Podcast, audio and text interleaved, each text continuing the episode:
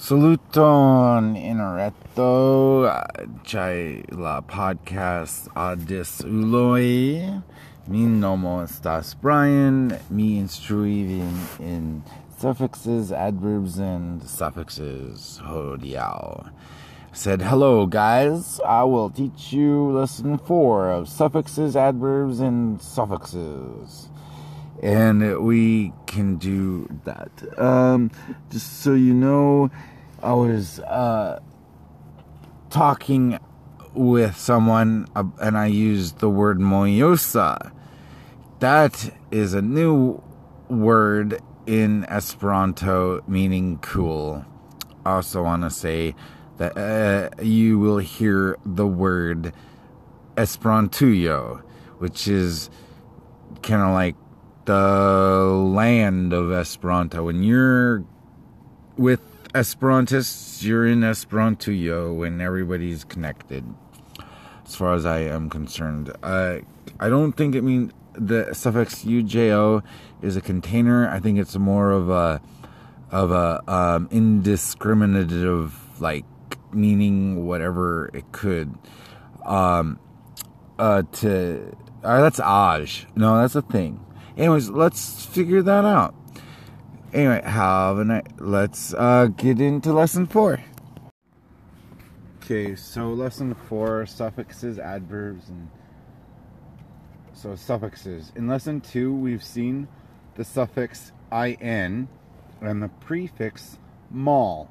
In this lesson, we'll get to learn two other suffixes. The suffixes et dimin- the suffix et diminishes something and indicates that something is small, tiny, or weak. Knabo, a boy. Knabeto, a little boy. Hundo, a dog. Hundetto, a little dog. Ridi, to laugh. Ridetti, to smile. Dormi, to sleep. Dormetti, to doze. Varma, warm. Varmetta, lukewarm. Malvarma, cold. Malvarmetta, cool. Now, the next suffix, the suffix eg, amplifies something and indicates that something is big or strong.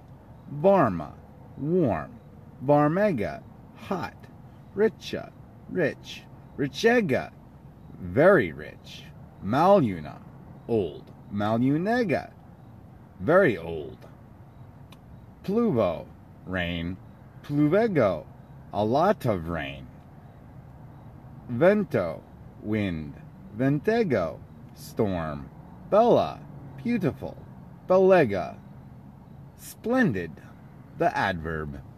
In the first lesson, we covered the noun, names of person, objects, conditions, etc.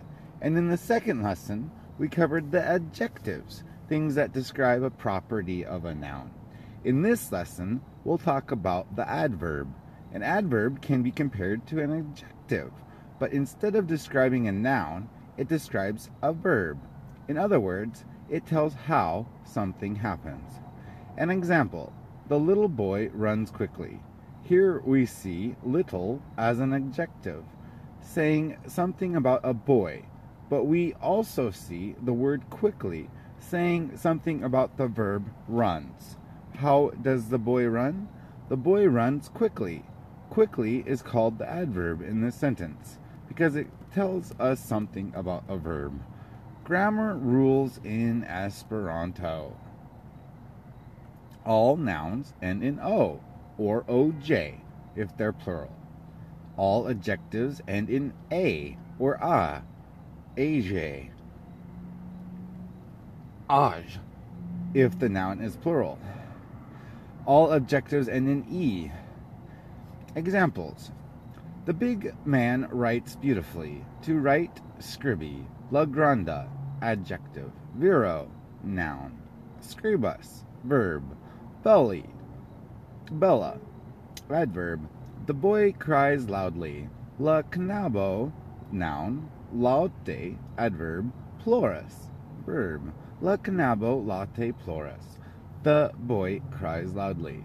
Note that the adverb appears before the verb here, but that's just a matter of choice. It could also be put after the verb. The child sleeps well. La infano dormas bone. And then we got vocabulary. Let's see here. I'll read the vocabulary. La finestro, the window. La fisho, the fish. La mateno, the morning. La forno, the stove. La ventro, the winter. La vespero, la vespero, the evening. La shuo, the shoe. Quin, five. Ancao, also. Veni, to come. Legi, to read. Comforta, comfortable. Cara, kind, dear. Yes, yes. Nay, no, not none. Nay is no, not none. Antaue, in front of, before. That's one that I had hard time with. Antaue. It means in front of and before. If you had a note, I would write that down. A N T A U with the hat on. Hodiao, today. Hodiao, today.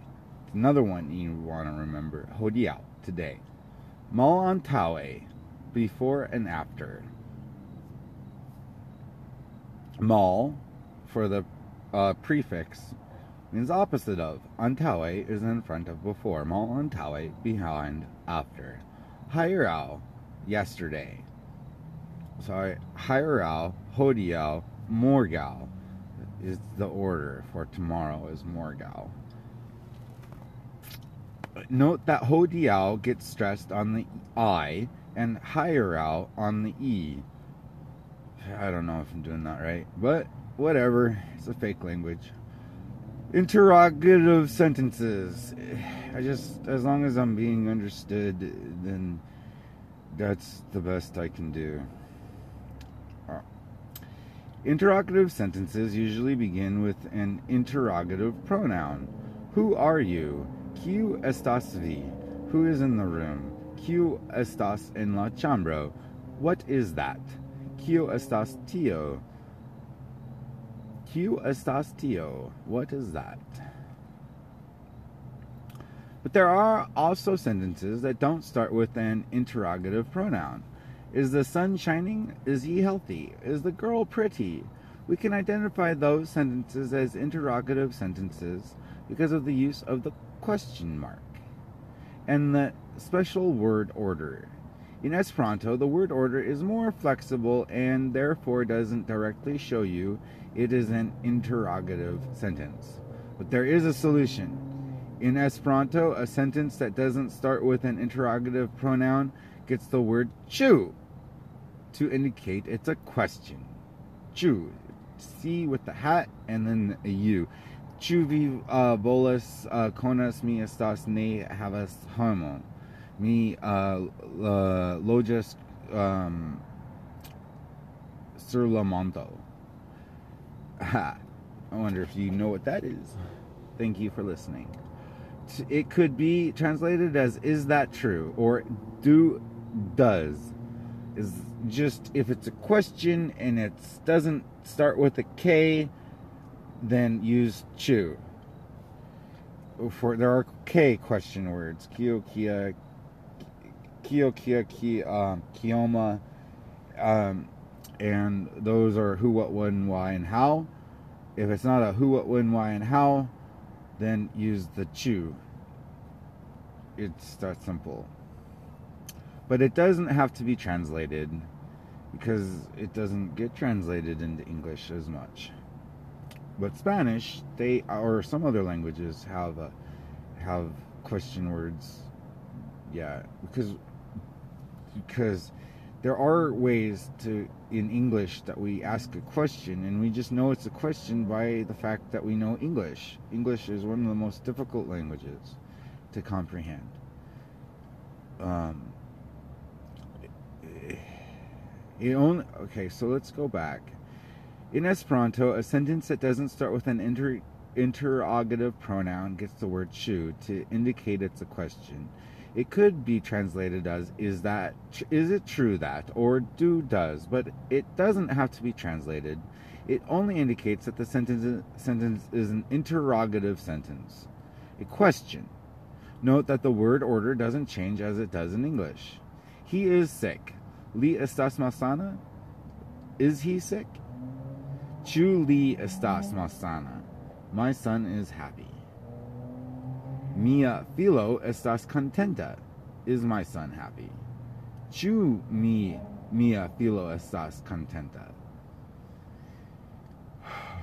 And then do you got some exercises here. Can't do over the thing. Uh, thank you for listening. A mí, habas. I'll tell you just in a second. I need some water. Me volas, me volas trinki akvonon. Um, I'll be right back. Mi esperas vi uh, chatis hodiaus lecionon. Um, mi havas um, hodiaŭ estas uh, mo, uh,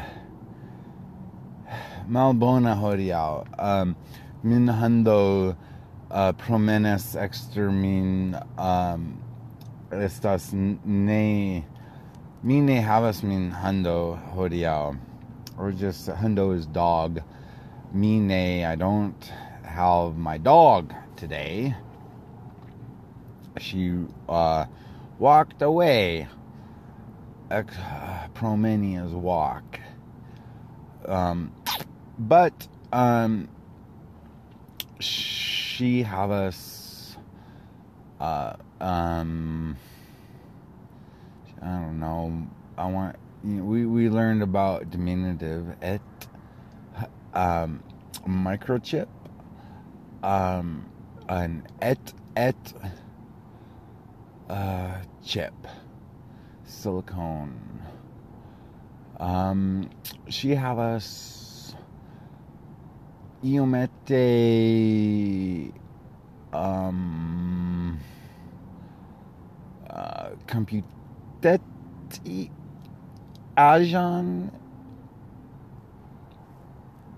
Illo, maybe? I don't know. Um, computet et um, Illo. IL is a tool. Um, and so we, et is diminutive.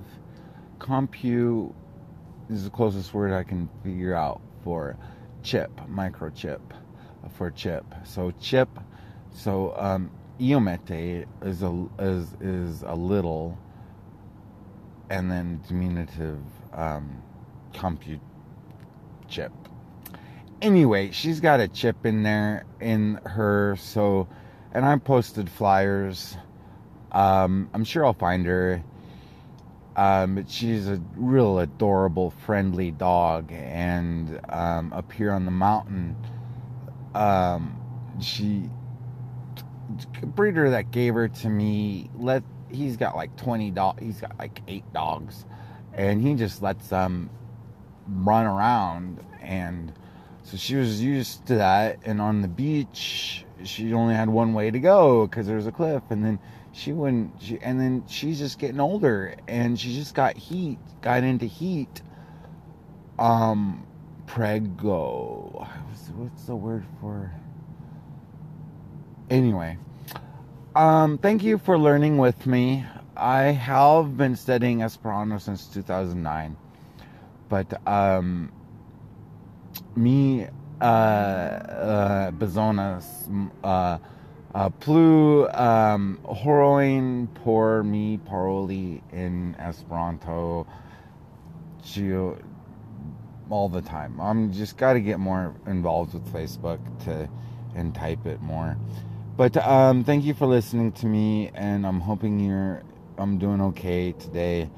Um, and if you decide to read the next lesson, uh, I really appreciate it. I will be coming out with one a week for the few listeners that are here already, and I'm sure there'll be more as they come along, as long as I'm not freneza.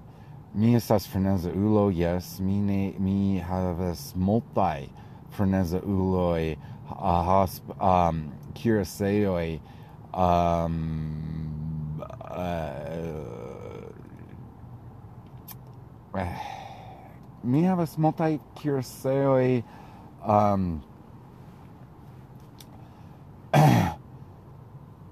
Hyreal not yesterday